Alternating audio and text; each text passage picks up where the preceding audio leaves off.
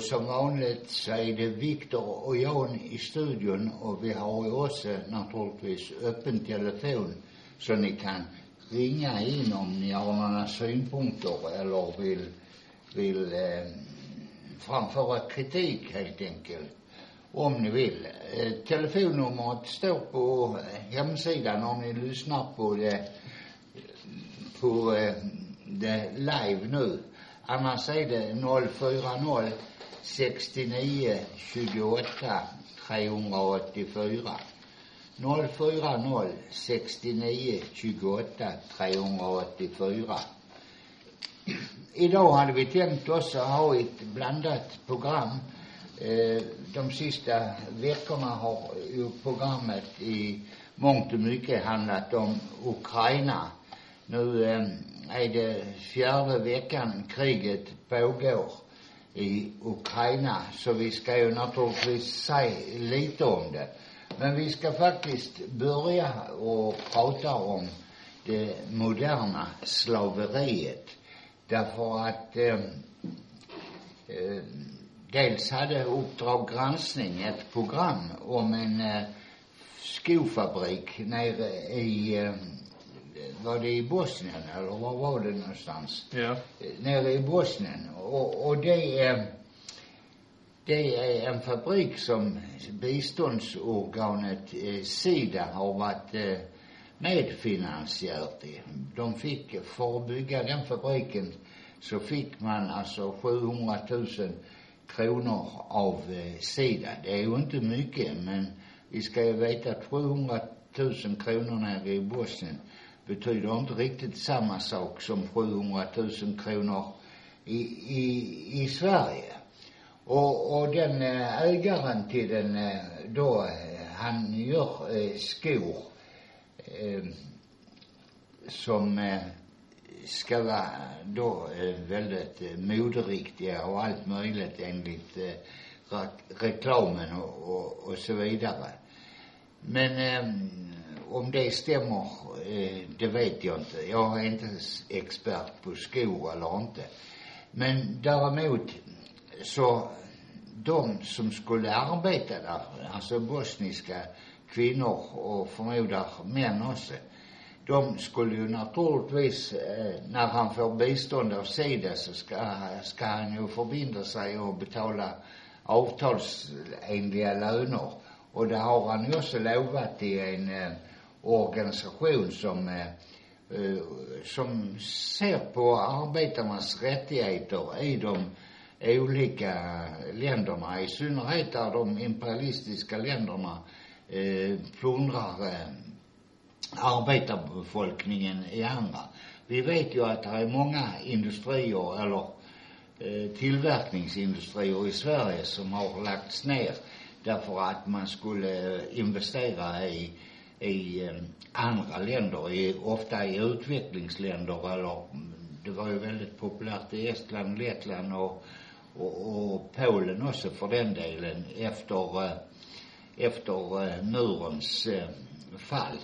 Och, och, eller efter 1990, då skulle man ju eh, spraya ut sig. Då tog man chansen att eh, jaga billig arbetskraft. För det är ju naturligtvis det det handlar om billig arbetskraft så betyder det ökade profiter.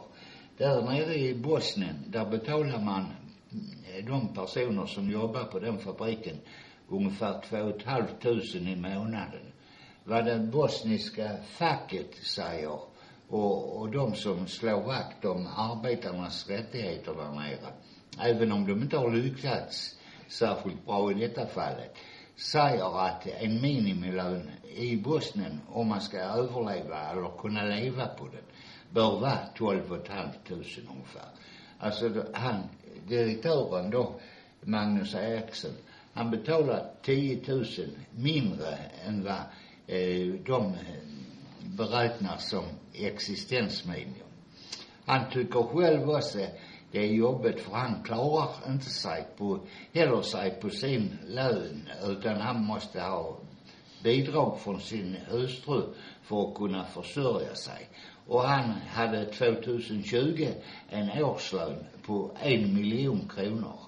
Och jag menar två och ett halvt tusen i månaden, det blir ungefär 30 000 på året.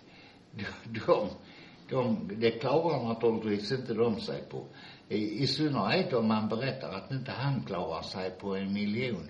Då borde han ju naturligtvis eh, känna lite skam i kroppen och förklara varför att de ska kunna försörja sig på eh, 30 000 om året när han ska håva in en miljon för att kommendera dem. För det är ju det enda han gör. Naturligtvis eh, bidrar han kanske på något vis, kanske till försäljningsorganisationen eller på, på, på något annat sätt.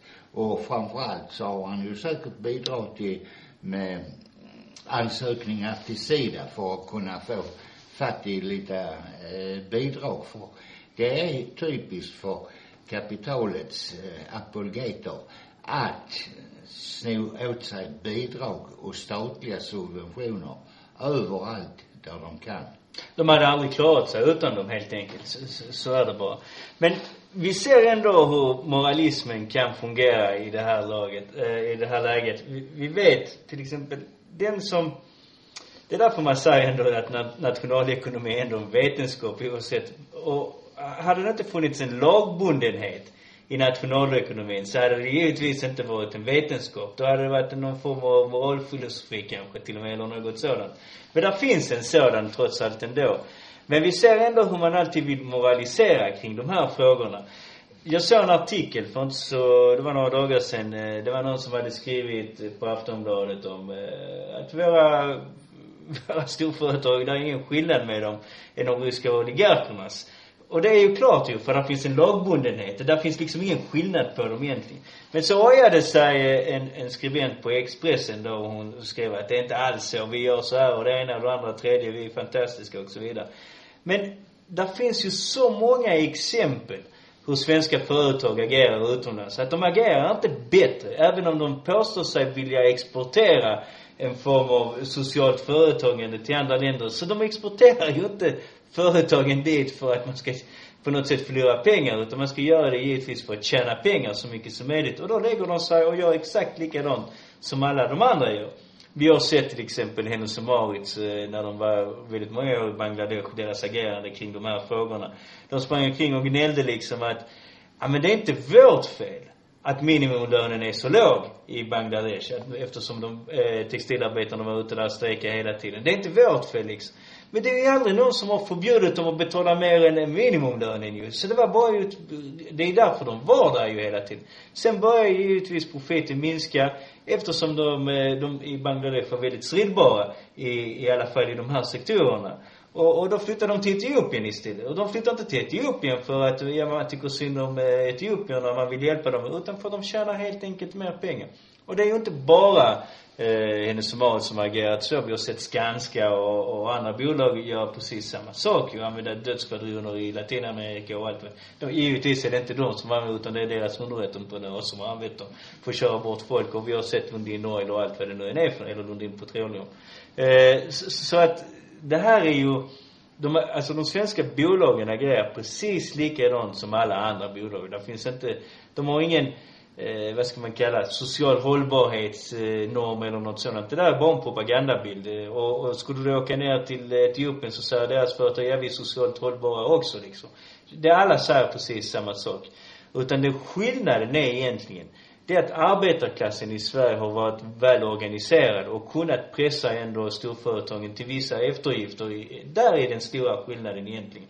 Det är därför det ser ut som det gör i Sverige och till skillnad från andra länder. Annars hade situationen varit precis likadan. Och vi ser ju just nu hur man försöker erodera bort alla de fackliga rättigheterna. Så att om man tror det är för jävligt i Bosnien så kommer det bli för jävligt i Sverige, framförallt om man är passiv. Det är just därför arbetarklassen måste alltid vara aktiv när det gäller de här sakerna. Inte bara försvara saker, utan utveckla sakerna alltså. Börjar man försvara, då börjar man helt plötsligt hamna i den där pesten och kolera situationen. Ja, men om ni tar bort de här rättigheterna så har vi åtminstone kärnan i kollektivavtalen som de springer omkring och, och sossarna raljerar om hela tiden. Mm. Alltså, det, det är viktigt, alltså den internationella solidariteten mellan arbetarna. Men de påstår alltså de eh, flyttar till Bosnien för att eh, vi skapar jobb där, säger de.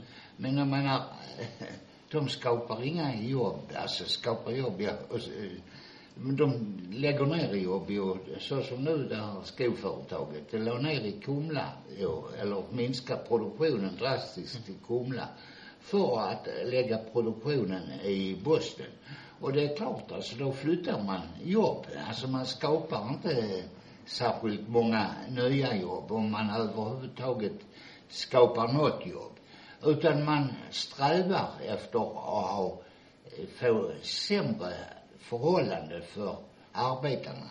Pengarna från Sida, det skulle, Sida skulle vara också för att man skulle överföra mm, svensk arbetsmiljöpolitik och, och annat och många goda sidor som, som svensk arbetarrörelse har tillkämpat sig. Men som alltså inte alls är eh, för alltid vunnet utan kampen måste pågå hela tiden. Och, och det, de intervjuade där i Uppdrag granskning en eh, kvinna som heter Vanja. Hon fick eh, sparken när hon blev gravid. För hon hade sagt ifrån att hon kunde inte jobba över varje dag under tiden hennes eh, graviditet. För det, det påverkar naturligtvis kvinnorna både fysiskt och psykiskt och hon hade inte möjligheter till den övertiden. Och då fick hon eh, sparken för då sa chefen där att hon sydde dåliga skor. Hon sydde inte så bra. Men hon, innan, innan hon blev gravid så var det inga problem, nej. Och, och så går det till. Du tog Bangladesh. Alltså det var H&M som agerade där. De hade en under, eh, eller en leverantör till H&M's syfabriker. Eller till eh, butiker. Där låste en eh, fabriksägare in 21 kvinnor som inte skulle få lov att gå ut och, gå på toaletten eller gå ut utan att han visste och kunde kontrollera tiden till och allt annat. De, det tog, började brinna i den fabriken och 21 kvinnor blev innebrända. Just för att H&M skulle ha billig arbetskraft och, och, och göra större profiter så går det, så går det till. Och den situationen hoppades man ju att man skulle aldrig höra igen. För det, det hände ju något liknande i Chicago ju för hundra år sedan och där var många kvinnliga just textilarbetare blev också inlåsta och de hoppade från fönstren och försökte leva och, och det var ju, sen fick man ju liksom inte göra det längre. Så, men jag menar just det där att man tror på något vis att man ska exportera sociala, nej de sticker för att de vill tjäna så mycket profit som möjligt. Och precis som du säger ja, alltså det är ju inte så att de skapar arbetstillfällen på det viset. Och det har vi ju sett i Sverige också. Vi har sett en stor privatisering eller eh, man lägger saker på entreprenad från staten ju.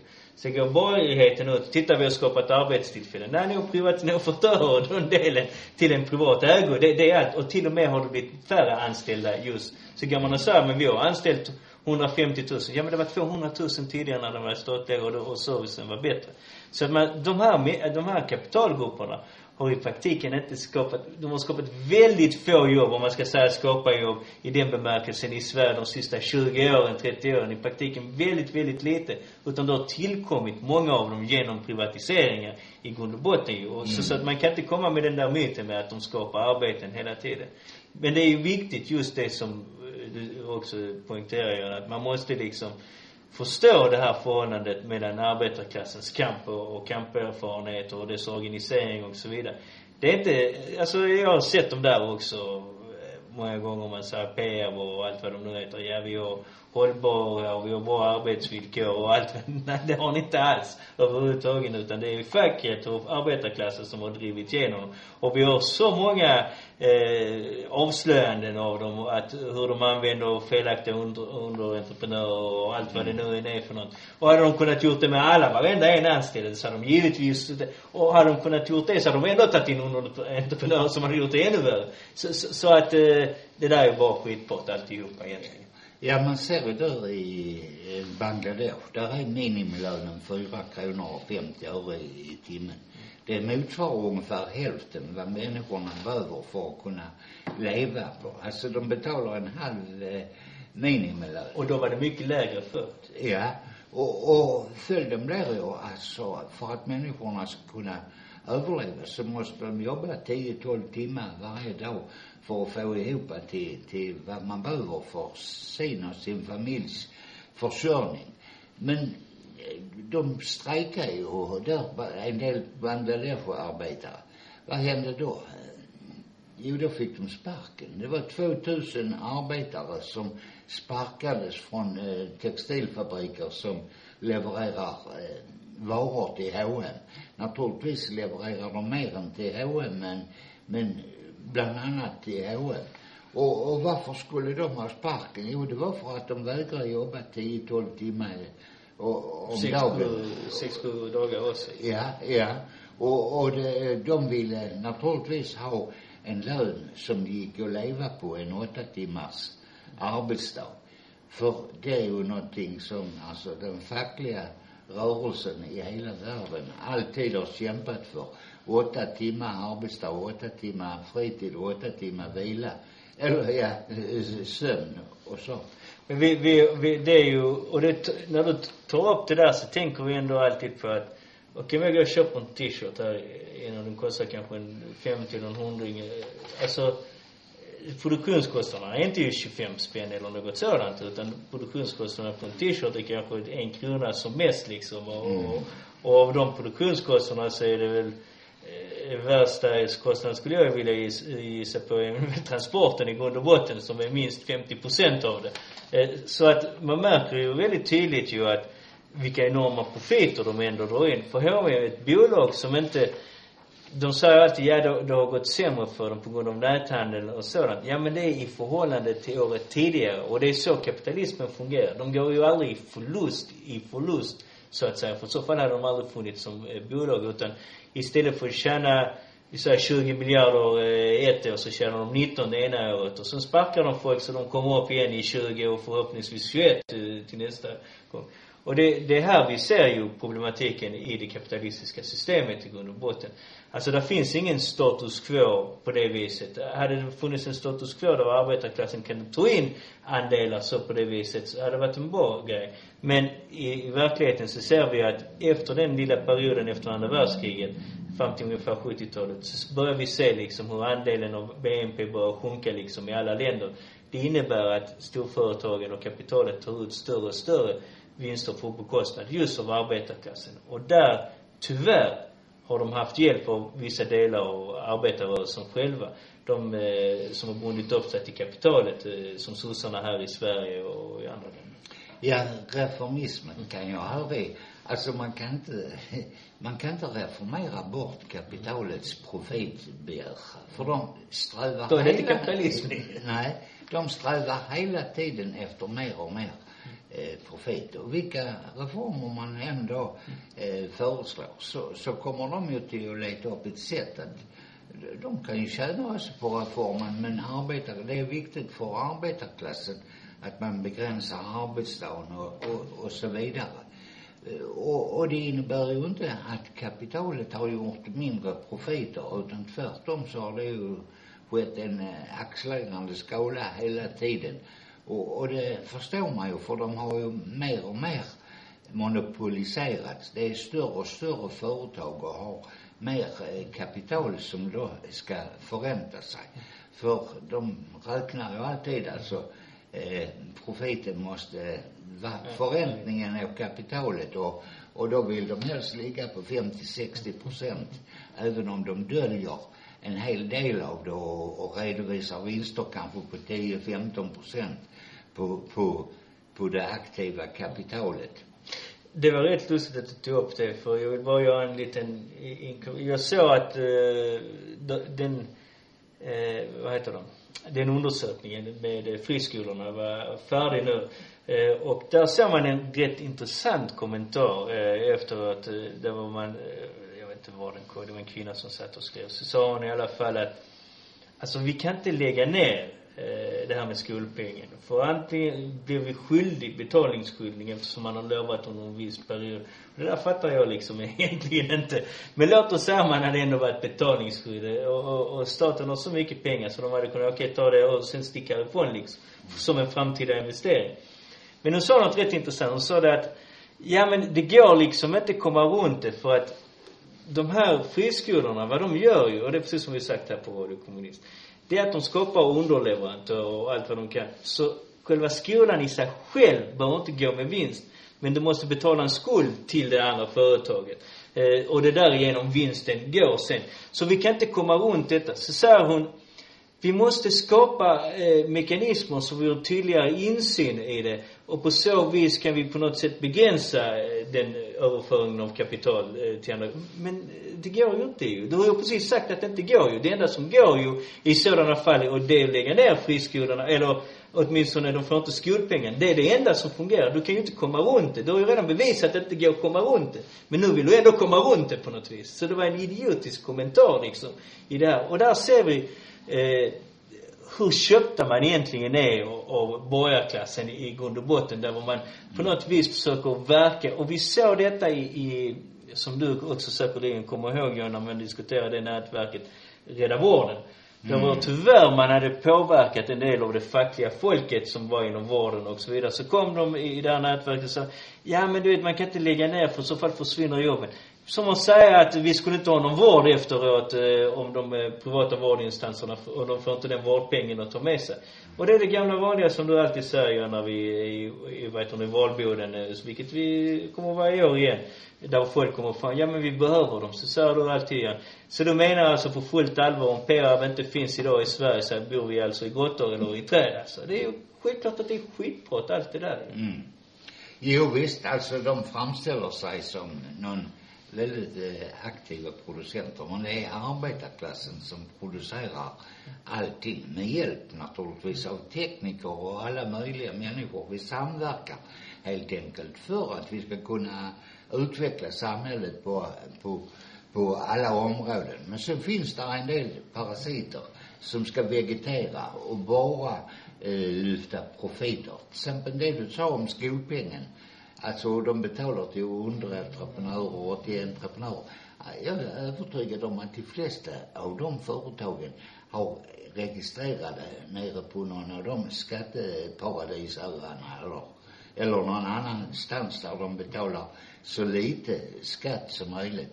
För de vill inte bidra till någonting i samhället. De ska framstå som några Eh, eh, som är duktiga människor som ger folk jobb. De påstår ju också själv att de ger jobb och det är därför eh, folk envisas med att kalla dem arbetsgivare. De, de är inte något annat än arbetsköpare. De köper din arbetskraft. Så använd inte ordet arbetsgivare, för de ger inga arbete. Och det är därför de har ju all media egentligen i, i sina händer för att sprida just en sån desinformation ju. Vi, vi tar till exempel Bill Gates och Microsoft ju. Och, alltså, han tjänade ju sina pengar ju på slavfabriker i Mexiko under de frihandelszonerna på 90-talet. Där man inte betalade någonting, man låste in dem och så vidare. Och sen nu vill man få honom som att han är den bästa humanist och mecenat och allt möjligt. Eh, så det är bara struntprat, allt det där ju. Utan de gör sådana saker reklamsyfte för att framställa sig på ett visst sätt. Och det är just det som på många sätt tycker jag är det vidrigaste i, i det här. Att man fan, alltså den gamla goda kapitalisten behövde aldrig framställa sig så på det viset att de var goda människor. Eh, ibland gjorde de, eh, de och, och, eh, utan de var tydliga med det där. Men idag förstår man att, att vi måste lura, bedra arbetarklassen på det här viset. Och, och, och det gör man ju.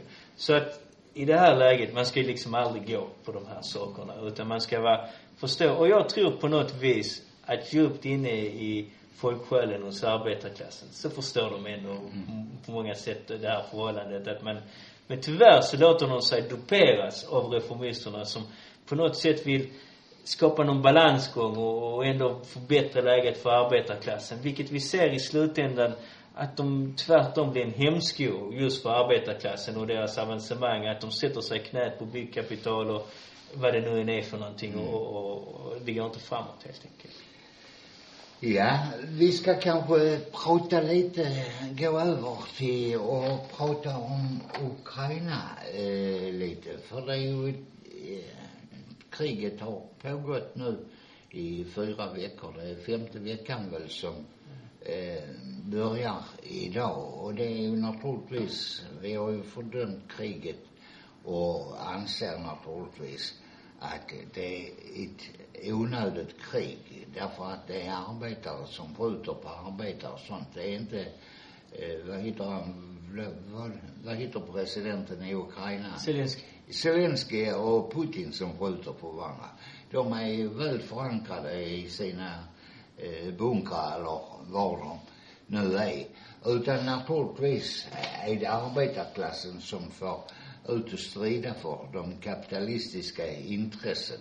Och, och vi ser ju också nu hur väst levererar eh, vapen därför att de vill ju vara med och, och dela på kakan naturligtvis. Vad man vill helt enkelt eh, stycka upp eh, Ukraina mellan, eller stycka upp, stycka upp, det, det är en kamp om vem som ska få eh, rovet om det är Ryssland eller det är de eh, västimperialisterna som ska ta hand om det. Det är det det handlar om. Det handlar inte om eh, humanitet eller eh, demokrati eller som man då påstår att man slåss för europeiska värderingar.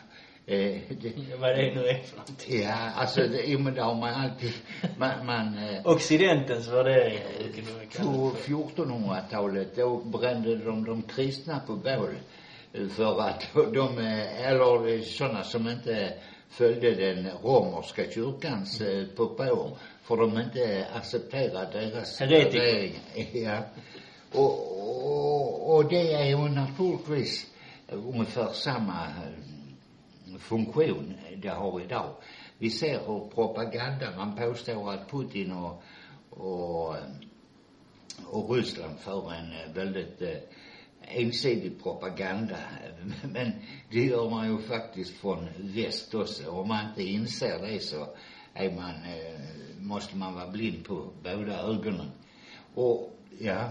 Nej, jag skulle bara säga att och man har ju tagit, börjat ta upp det här faktiskt. FN har ju tagit upp det Reportrar utan gränser har faktiskt också tagit upp de här sakerna. Just att eh, propagandan har varit väldigt ensidig. Eh, men Sverige har nog ändå varit bäst i klass när det gäller de här sakerna. Och jag vet att Sverige fick ett fantastiskt pris eh, någon gång på runt 2000 där man gav att Sverige var det överlägset sämsta landet när det gäller rapporteringen när det gäller Jugoslavienkrigen, eller Balkankrigen som man kallar det idag. Eh, där man sa att rapporteringen var så ensidig liksom, att den var extrem. Mm. Och vi ser det också nu igen i, i det här läget. Alltså att jag satt till exempel och, tittade på SVT. Det var någon kvinna som satt och, och skulle informera, diskutera kring att Zelenskyj hade haft ett möte med Israel eh, Eh, och premiärministern där. Och hon fick fram, alltså hon sa ja ni måste sätta hårdare press på Ryssland, handla inte med dem och så vidare. Eh, saken är ju att eh, hon ville framställa det som det handlade om luftrummet över Syrien att man bråkar över det där och, och eftersom vi vet att Israel har en tendens att springa, de bombar ju alla länderna runt omkring som de vill, de gör vad de vill egentligen i grund och botten. Och att man vill inte hamna i en situation, i en konflikt med Ryssland över de här sakerna. Men det är inte det det handlar om egentligen, utan vad det handlar om är att Israel har varit väldigt, väldigt kritiska mot Ukraina och de baltiska staterna under mer än en tioårsperiod, där man helt enkelt har lyft fram fascismen Alltså, och, och hyllat den på många sätt just i de här länderna. Det är inte som, och den där biten vill man på något vis eh, gömma undan. Eh, och, och inte lyfta fram den trots att vi vet ju att att det nazistiska inflytandet i de olika nivåerna i statsapparaten är relativt stor. Den är ju inte kanske de styr inte fullständigt men, men, men de har viktiga poster liksom i, i olika ställen. Och de söker hela tiden också ett större inflytande. Och detta kriget har de själv, de har själv deklarerat det under det här kriget att man söker ett större inflytande för att utveckla det i just Ukraina. Och det är faktiskt så att Storbritannien, USA och, och flera länder har faktiskt tagit upp den här saken och tydligt att våra vapen kanske hamnar hos de här eh, personerna. Och, och Zelensky kanske inte är helt rent mjöl i påsen och allt vad det nu är, även om man vill lyfta upp fram honom som en stor ledare i den här situationen. Men det har ändå varit kritiska röster, Washington Post, BBC och allting om det. Men i Sverige har det inte funnits någonting överhuvudtaget. I Israel däremot, innan det här kriget, har det varit dussintals eh, artiklar just om de här sakerna som har pågått i Ukraina, där Zelenskyj till exempel delar ut medaljer till nazister och allt vad det nu är. Så när Zelenskyj går och säger att ja, vi stred och allt vad det var och, och vi befriade, vi hjälpte er från eh, nazisterna och hjälpte judarna och allt sådant. Mm. Så han står ju just på den sidan med nazisterna. Han, de går omkring och har Stepan Bandera-dagar. Det var de nazistiska kollaboratörerna ju eh, eh, där med. Så att man kan liksom inte eh, springa omkring ju och, och säga att om man firar sådana dagar och delar ut, då stod ni givetvis inte på den sidan, ni stod på andra sidan, det säger sig själv ju. Utan de som stod och, och, och befriade dem, det var ju kommunisterna ju. Det var ju inte Stefan Bandera typ, det var de som genomförde pogromerna och allt vad det nu var för någonting. Och det är just detta som Israel har tagit upp. Det var därför de var så kritiska mot NATO när de pratade om de här med skogsbröderna och de gjorde den här filmen. Det är väl bara Sverige, tror jag, och Liberalerna som fortfarande vill hylla skogsbröderna och sånt. Fast man vet ju att de var nazister allihopa. Eh, och de var väldigt kritiska. Och NATO fick mer eller mindre nästan flytta videon lite eh, efter Israel hade gått ut och sagt de här sakerna. Så att det är väldigt märkligt att den här polit, alltså den här utrikesexperten som satt där och diskuterade vad hon nu var för någonting, har på något vis missat allt det där. Givetvis har hon inte missat allt det där. Men i Sverige har man lagt locket på just när det gäller de här sakerna. Ja, man vill ju inte exempel prata om Azov-bataljonen som är alltså... Och där finns fler än Azov. Ja, ja. Men de, eh, det var en militär som sa, ja, de, de är duktiga till att strida men de är kanske inte helt eh, rumsrena eller någonting. Eh, sånt sa han och det är ju mycket där, de som finns i Mariupol som alltså är inne bland, bland civilbefolkningen för att försvara Mariupol. Men det är klart, det är ju därför eh, det skapar eh, extra mycket lidande åt eh, civilbefolkningen. Men eh, de har ju fått tillgång till svensklevererade pansarskott och andra NATO-vapen som skickas till dem. Men alltså det går ju djupare än så. Det har visat sig nu ju att NATO har i stora delar eh, tränat dem också. Inte bara, inte alltså, bara Azov-bataljonen utan man har ett nätverk då inom den ukrainska armén där de högerextremisterna ska försöka ta mer och mer makt. Och, och den kommer man ju naturligtvis till att utnyttja eh, när kriget tar slut. Ja, alltså Zelensky är ju på något sätt en form, vad ska man kalla honom? Eh, som det var inne i Italien innan fascisterna kom till makten i grund och botten. Försökte balansera eh, situationen lite på något jävla vis. Alltså han är, påstås ju vara liberal. Alltså han är liberal när det gäller marknad, alltså ekonomi och sånt. Men det är fascisterna också ju, mm. i grund och botten ju. Men han, eh, han är ju egentligen inte liberal i grund och botten utan det är en väldigt konservativ person ju som samarbetar med högerextremister hela tiden ju. Och, och, och som sagt ju, det är just Israel har ju tagit upp det här väldigt många gånger ju och, och diskuterat det. Så därför blir det väldigt märkligt när det gäller den, de här typen av diskussioner på något sätt som man vill låtsas som det är på något annat vis. Men så fungerar liksom kapitalismen. Alltså, man, jag såg en artikel där de skrev att ja, man kanske inte var medvetna riktigt om att de här är helt nynazisterna NATO och, och eh, utbildade. Men det är inte sant alls.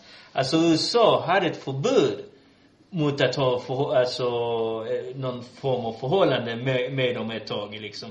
Men efter två år så hävde de det förbudet just för att NATO skulle kunna träna dem ju. Mm. Annars hade de inte haft ett förbud från början. Och det var förbud tillkom 2014, sen hävde man det 2016. Och det var då man började utbilda de här och, och faktiskt börja beväpna också eh, i det här läget. Så, så, att man ska vara väldigt, eh, känna till de här sakerna. Det fråntar ju inte att det är rätt för Ryssland att gå omkring och bomba dem då. Ingen, ingen skulle påstå något sådant. Nej. Men man måste ändå vara väl medveten om det. Vad händer efter ett krig? låt oss säga kriget slutar imorgon och, och Putin säger jag skiter vilket jag drar tillbaka mig. Vad händer när du beväpnat alla de här? Är det en omöjlighet att det blir en fascistisk? Nej, det är säkert inte någon omöjlighet. Det skulle inte förvåna mig om det skulle vara så. Nej, det är ju det målet, den Centurio, alltså det kan de kalla sig för Centurio, det är nätverket inom armén som de består av eh, högerextremister. De, de eh, släppte ett manifest 2019 eh, och där är det inte bara eh, Ryssland som eh, pekas ut som fiende utan det är också politiker och byråkrater i, i Bryssel.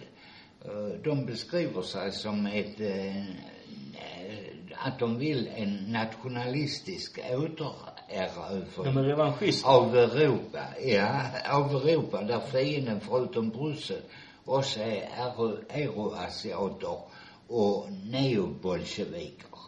Alltså, då kan man ju tänka sig hur deras, eh, om de lyckas vinna, hur deras eh, strävan kommer att vara. Alltså de här grupperna, alltså där finns egentligen inte stor skillnad på Viktor Orbán och alla de här, och Zelensky till exempel. Mm. Utan Zelensky har ju, de har stängt ner i stora del många vänstergrupperingar innan, innan kriget. Nu har han gått ut och antagit en lag eh, som undantagstillståndet. Det var inga partier i praktiken får verka i, vet du, i Ukraina just nu. Eh, så att han är ingen, alltså man vill få honom på något sätt som en öppen liberal, eh, du vet det här eh, mjukisgrejen och vi är snälla mot alla och så vidare. Men det är han inte alls alltså, utan det är en felaktighet. Och det trista är just i det här läget det är hur vissa organisationer som, så, som man, man tycker att de ska vara bättre på något vis, men de saknar fullständig ryggrad när det gäller de här sakerna. Och det, alltså, och, och Vänsterpartiet kan inte springa omkring och säga att vi har ingen information om det ena eller det andra. Låtsas det fullständigt utvetande. Jag vet att de brukar göra så här emellanåt i Sverige. Jag visste inte. Det är klart att de vet ju. Alltså, du har ju eh, underrättelsetjänstorganisationer och de ambassadörer, alltså ambassader i andra länder och så vidare. Och de delar med sig info. Annars hade du inte haft en ambassad för det är just för att du ska ta reda allting som finns i landet och, skicka. Så de har tillgång till allt det de de känner till vilka de här organisationerna är. Varför då stödja, varför då beväpna dem? Fattar jag liksom inte. Men eh, det du sa, alltså han förbjöd elva politiska partier, Zelenskyj varav ett är det näst största eh, partiet i parlamentet. Det heter inte parlament i Ukraina, jag kommer inte ihåg. Det var Duman, samma som, nej, är det inte nej, Duman? Har de bytt ett namn? Rada eller något ja. sånt. Ja, jag vet inte säkert. Men skitsamma, det är samma som den svenska riksdagen. Det näst största partiet är förbjudet. Varför måste man förbjuda partier? Så det borde ju vara viktigare då om man vill organisera ett försvar och alla samhällsklasser och så och se till att bjuda in dem till överläggningar om hur vi bäst eh, kan försvara oss mot eh, Rysslands aggression. Men det, det gör man inte utan istället förbjuder han de eh, partierna och det verkar verkar väldigt konstigt att man inte vågar rapportera om det på SVT eller på de andra radiokanalerna. Utan där framställs han, framställs han, som du sa, som en mjukisliberal som var för demokrati och europeiska värderingar och allt vad de nu hittar på och, omkring han alltså. De värderingarna som vi såg 1939 och så vidare. Ja, precis. Och, och, och naturligtvis måste arbetarklassen protesterar mot kriget på alla sätt och vis. Och till exempel nu de svenska hamnarbetarna eh, som då ska blockera eh, ryska båtar. Det är okej, okay, men man måste ju också blockera de eh, som vapenlasterna som går till Ukraina. För de har precis eh, samma syfte som de ryska vapnen. Alltså att mörda andra arbetare. Vi tog ju upp det här om, här om veckan om de italienska arbetarna som blockerar vapenleveranser som döljdes som humanitär hjälp. Och, och, och så måste, borde ju de svenska hamnarbetarna också göra. Det var rätt roligt för jag såg en, en man ställde frågor till dem liksom och vad de tyckte och så var det någon som ställde frågan, ja men betyget mot Irak och sånt. Nej, nej men alltså för, vi måste göra någonting någon gång åtminstone. Så tog han upp, eh, ja till exempel med Chile, vi, vi hade en handelsblockad. Alltså kompis, ni satte handelsblockaden innan Pinochet var där mot Allende. Det är då den tillkom. Då var man liksom inte ville att, så man gjorde allting för att störta, alltså det gjorde man liksom i Sverige och hela världen liksom. Och man lyfte handelsblockaden under Pinochets tid. Så att, eh, jag blev liksom lite förvånad när man lyfte upp det där och, och, och tyckte det är en grej som man borde inte kanske prata allt för mycket om i, i, i grund och botten.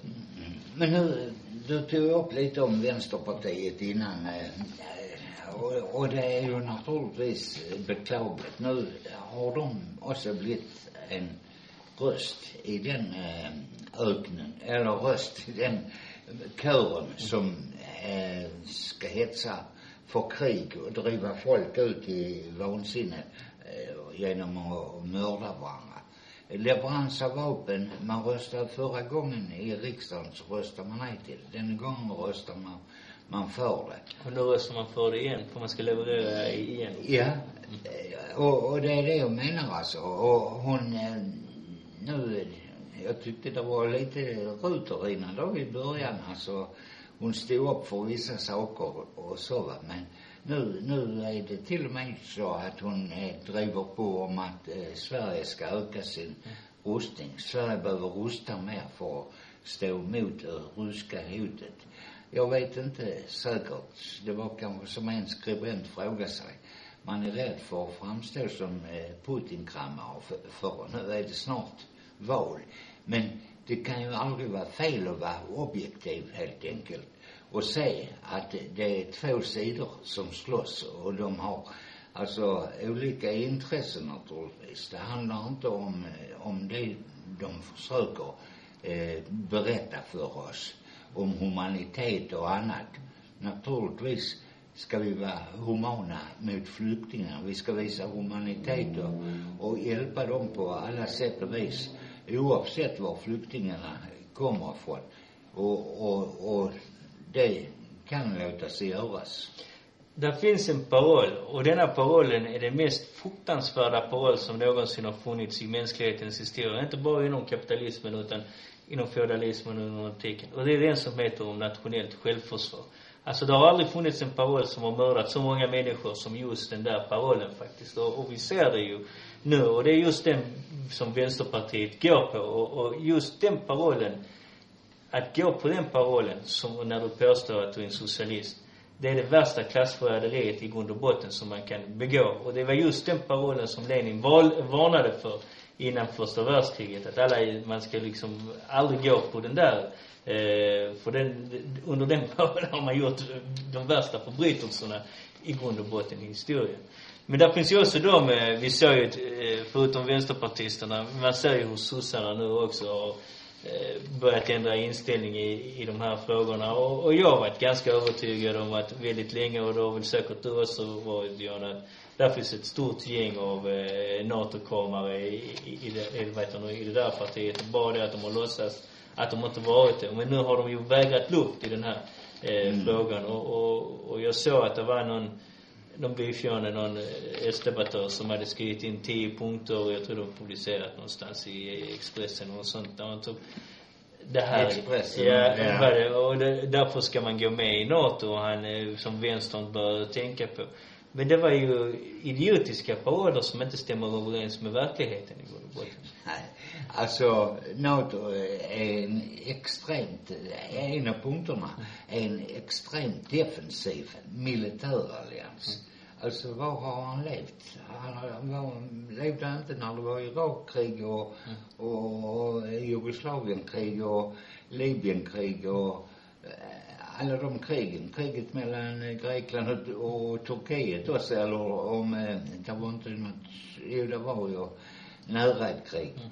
Men eh, alltså, det, det är inte så att NATO är en, är, är en defensiv militärallians. Utan det är, är kapitalets verktyg i äh, Västeuropa för att utvidga sina eh, domäner. Alltså när han skriver så, vilket aldrig var sant egentligen, så skriver han enligt de gamla stadgarna där var man sa att man var för, för försvarsallians. Men de stadgarna ändrades 1990, alltså på mitten där på 1990. Där var man tydligt så att NATO ska verka där deras medlemsstaters intressen är hotade. Alltså om om vi helt plötsligt här i, börjar liksom diskutera en, eh, kanske inte en revolution, men vi gör stora förstatligande och, och, vet vad heter det, och man tycker liksom inte om det där och, och man börjar sparka ut andra kapitalgrupper därifrån. Så har NATO rätt att invadera. Det är så stadgan egentligen är i, idag. Och inte nog med det så säger man också att man har rätt att använda kärnvapen mot icke länder som har kärnvapen, man har rätt att använda det som en första slags, eh, också vid första, alltså, du, alltså när man attackerar ett land som har rätt att bomba direkt alltså, inte som en defensiv åtgärd. Så därför, det var ju därför Norge var nära att lämna just på mitten av 90-talet så att, ja men det är ingen försvarsallians längre, det är en tydlig anfallsallians. Nu gjorde man ju inte det men, Nej, nej. men, eh, men ändå liksom. Så, så att, eh, han, han skriver ju bara massa rappakalja i de här sakerna. Ja, precis. Och han påstår också att han kommer med det där att, ja men i verkligheten så var vi under USA under kalla kriget. Ja det är sant, men varför var det hemligt? Varför var det hemligt? För att arbetarklassen accepterar inte det, så enkelt är det. Och han vill få det till något sätt på att, ja vi genomförde inte det för att Finland inte, Mm. alltså det var bara skitpott liksom. Arbetarklassen var tydlig med det. Att man inte ville liksom vara med i NATO. Det var därför sossarna var tvungna att spela under täcket med deras förhållande med NATO hela tiden. Annars hade man liksom, eh, vi kommunister visste ju om de här sakerna. Men eh, tyvärr ville ju folk inte lyssna på oss i, i stor utsträckning. Nej, precis. Och, och jag menar det han säger att vi har varit, eh, vi har sen Elvis slog igenom varit beroende av eh, USA och NATO för vår säkerhet. Vi är inte beroende av USA och NATO idag heller för vår säkerhet. Utan vår säkerhet måste ju naturligtvis bygga på att vi har goda förbindelser med alla våra grannar så vi inte skapar oss fiender. Men det är ju det man vill göra från högern. Man måste ha en fiende eh, det har man ju haft ryssarna nu de sista tre, fyra hundra åren. Innan var det danskarna som var vår huvudfiende. De behöver en fiende för att kunna eh, hetsa arbetarklassen mot andra eh, klassbröder. Det är de som behöver den fienden och den försvarar och skyddar inte USA och NATO oss mot. Nej, för att saken är ju så att där finns ju en ny uppdelning i världen. Mm. Därför finns det liksom inte, där finns temporära allierade, men där finns liksom inte någon sammangående på något vis eller något sådant. Alltså det är, det är kanske inte omöjligt att imorgon anfaller Norge Sverige, alltså på grund av en ny uppdelning av världen. Mm. Det, där finns liksom inget sådant som eh, man skulle påstå på något vis. Utan den enda skillnaden har ju varit att vi hade ett kallt krig där fienden var kommunismen. Och därför kunde man liksom gå under alla de här, eh, alla de motsättningarna som fanns mellan länderna kunde man, men vi har sett ju att motsättningarna har ökat de sista decennierna. Det har varit bråk mellan, eh, mellan länderna. Vissa har pratat om att lämna NATO, vissa har velat vara kvar, bla bla bla och så vidare. Ja. Men eh, nog om NATO och Ukraina för denna gången. Vi ska ta upp en fråga som har berört oss eh, ganska mycket här. Men, Eller? men vi ska först säga det eh, till lyssnarna att kommunisterna har alltid rätt. Ja, För de ja. har rätt analys. Och nu vet vi också återigen att vi har rätt. Just genom, vi har sett eh, diskussionen om spekulationen om elen.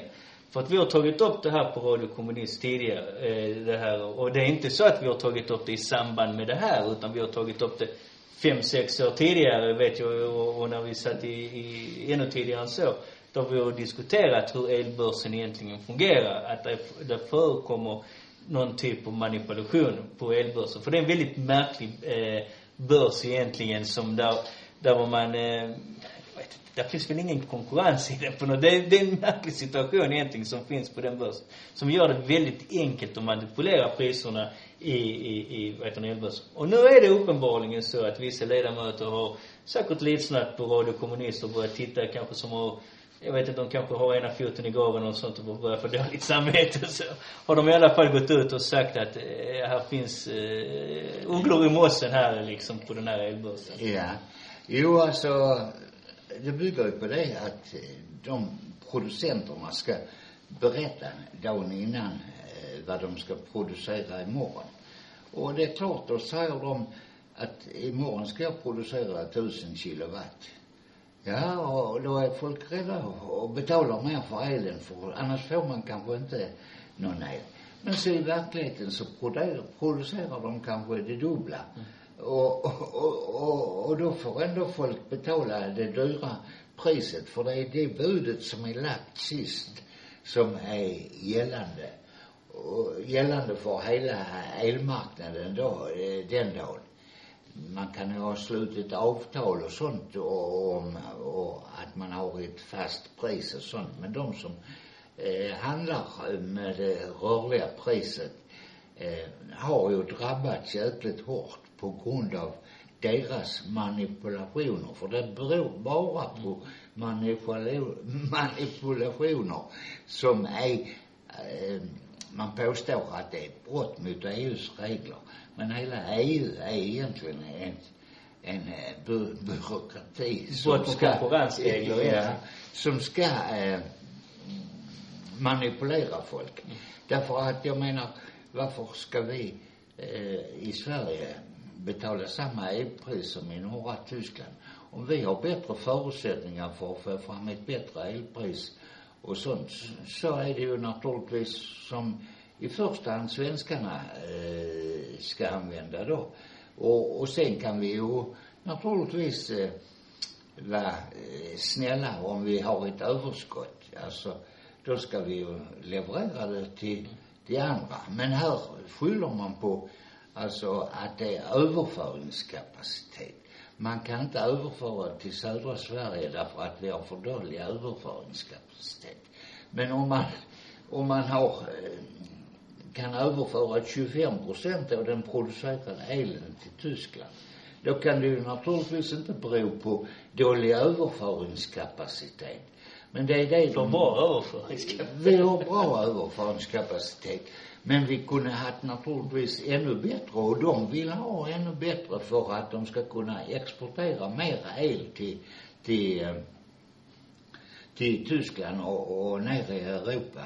Och, och det innebär ju naturligtvis att de skulle kunna producera elen billigare i Sverige. Det, det är dags alltså att staten sätter stopp för det där jävla elbörsandet. Så fastställer ett pris om han, det bästa hade varit att man tog hand om allihopa och, och bara eh, sa att nu kostar elen ett visst antal eh, euro per kilowatt och inte lät eh, privata aktörer hålla på och manipulera och, och så på, på annat sätt.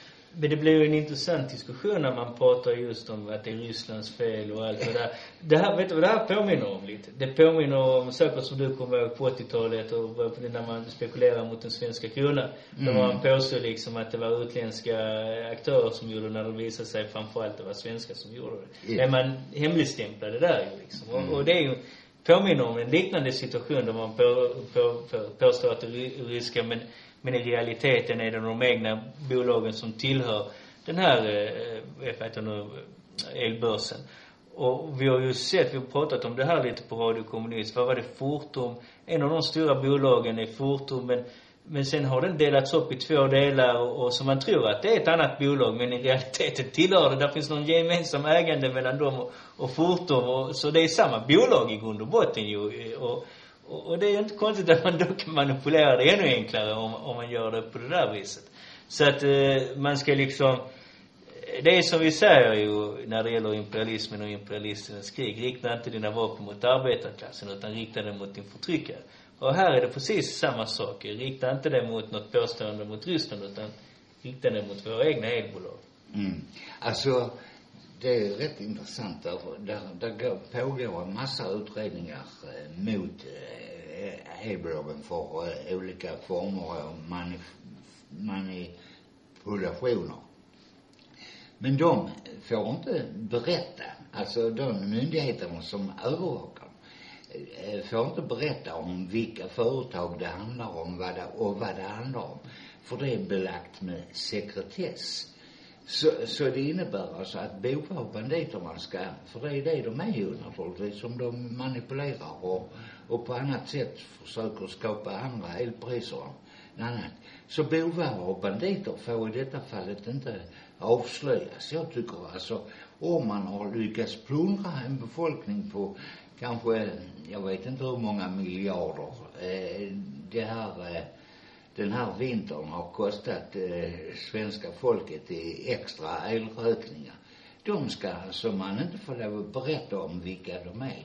De borde ju naturligtvis... En näringsförbud helt enkelt. Ja, eller ställas upp på en skampåle. eller någonstans. Här är vi, det är vi som har fifflat för att kapitalet skulle ha större profiter. Eh, kanske inte skampåle, det är kanske inte modernt för idag ja, det är för snällt. Nej, men det, det är som vi säger alltid här när vi brukar avsluta programmet, det är just att arbetarklassen Alltså, jag har en förståelse, John, att arbetarklassen kanske inte är så pass medveten att den tar makten. Men vad jag däremot har en bristande förståelse för, det är att arbetarklassen är alldeles för passiv när det gäller de här sakerna. Utan måste organisera sig på ett mycket bättre sätt och vara mer aktiva i samhällsfrågorna. För det är ingen annan som kommer representera dem än klassen i sig själv. Om man förväntar sig att eh, Fortum och vem det nu än är för någonting, eller H&M som ska representera arbetarklassen. Ja men då blir det som det blir ju. Man kan liksom inte komma ifrån det där. Utan man måste själv ta ett ansvar. Man kan inte bara sitta hemma och knyta nävarna i fickan och tycka allting är för jävligt. Utan det enda man ber om, det är liksom att kamrat, gå en gång i månaden på ett fackmöte eller hyresgästföreningen eller vad det nu än är för något. Du behöver inte gå varje dag eller något sådant. Bara du går en dag, informera dig, sitter 20 minuter med, med de här sakerna och verkligen informera dig. Då är mycket vunnet i, i, det här läget och en stridbarhet kommer komma utifrån de här sakerna. Och på så vis kan vi liksom åtminstone ge dem en, en, en känga i änden och, och till slut liksom inse att vi faktiskt inte behöver dem. Det är de som behöver oss för att kunna tjäna sin profit. Men vi behöver inte dem överhuvudtaget. Nej. Med det så säger vi tack och adjö och ha en. Framåt kamrater, vi uppror manar Vår röda fana, vår röda fana Framåt kamrater, vi uppror manar Vår röda fana som segern ger Röda fanan ska mot seger gå. Röda fanan den ska segern nå. Röda fanan ska mot seger gå. Leve socialismen, leve friheten. För alla utsugna stora skara Ska röda fanan signalen vara. Och proletärer, stå upp och kämpa vår röda fana ska seger ge. Röda fanan ska mot seger gå. Röda fanan den ska seger nå. Röda fanan ska mot seger gå. Leve socialismen, leve friheten.